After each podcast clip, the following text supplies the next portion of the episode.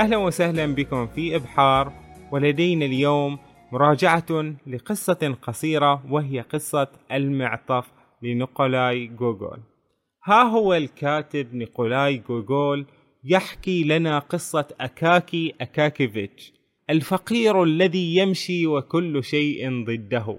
يعمل كموظف في النسخ كأنه آلة صماء. لا أحد يكترث له. إلا إذا أرادوا أن يسخروا منه. فكان أقصى ما يستطيع أن يفعله أن يقول دعوني في حالي لماذا تهينوني؟ أكاكيفيتش كان فوق فقره المدقع ضعيف الشخصية.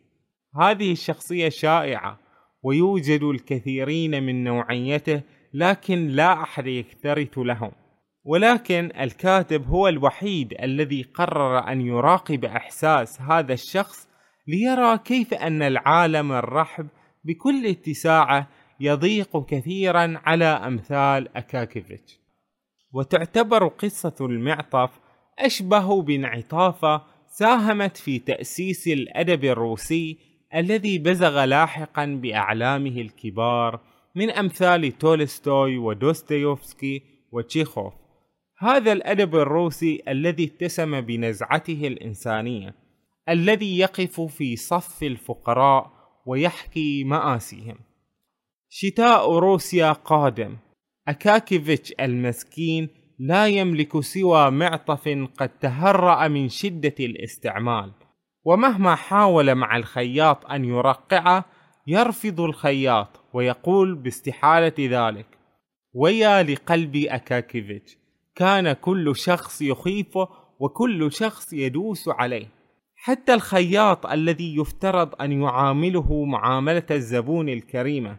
نجد أن أكاكيفيتش يراه كابوسا هو وامرأته اللذان يصرخان عليه ويطالبانه بالأموال.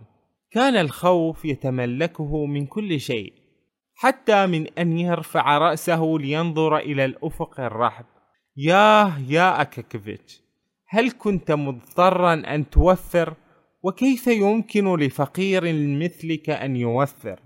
نعم هو وجد أنه يجب أن يمتنع عن الشاي وأن يخفف من المشي بالحذاء. كان سعيدا بأنه يوفر على أمل أن يحصل على حلمه. وبعد مدة طويلة ها هو أكاكيفيتش يجمع كل المال اللازم من أجل معطف جديد. وها قد جهز ذلك المعطف الباهر. وكم أشرق قلب أكاكيفيتش وملأته السعادة بهذا المعطف البسيط.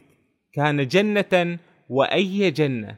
المعطف الوحيد الذي سيمكنه من الشعور بالدفء في برد روسيا القارس وذهب إلى سهرة سعيدة قضاها مع أصدقائه فخورا حتى خرج منهم بعد منتصف الليل وحيدا وهو كاشخ بمعطفه الجديد ليعترض طريقه مجموعة لصوص فينهبون معطفه الذي هو كنزه الأغلى.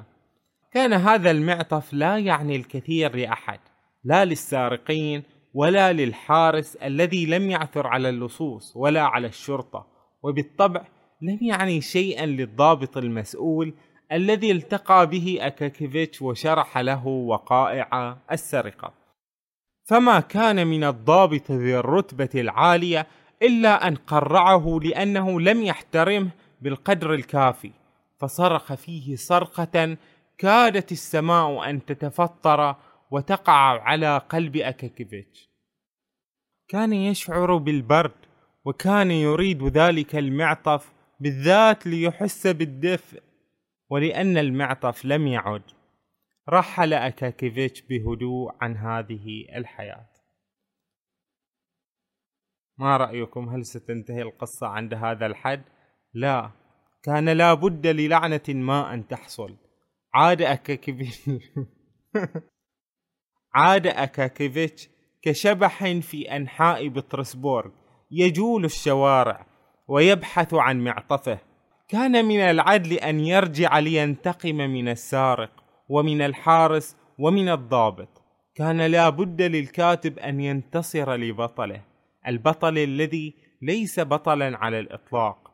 فليت شعري من الملام في عوز الفقراء؟ هل هم الفقراء أنفسهم مع شخصياتهم الضعيفة أم المجتمع الذي لا يكترث بهم أم الحكومة التي لا تعينهم ولا تحميهم.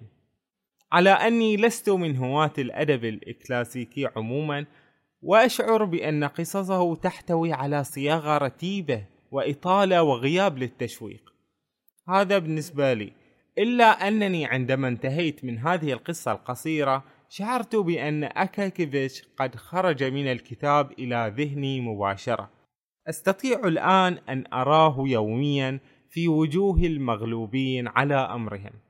لم يكن الحدث هو المهم في القصة ولم تكن النهاية غامضة كثيرا. ولكن ما يهم هو كل ذلك الوصف للشخصية الذي جعلها تحيا وهذه هي ميزة الأدب.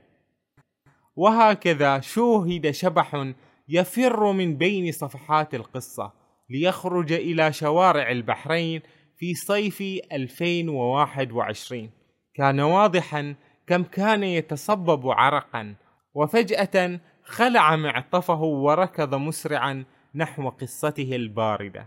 دخلها ولبس معطفه وأحس بالبرودة الدافئة ولم يشاهد بعد ذلك أبدا.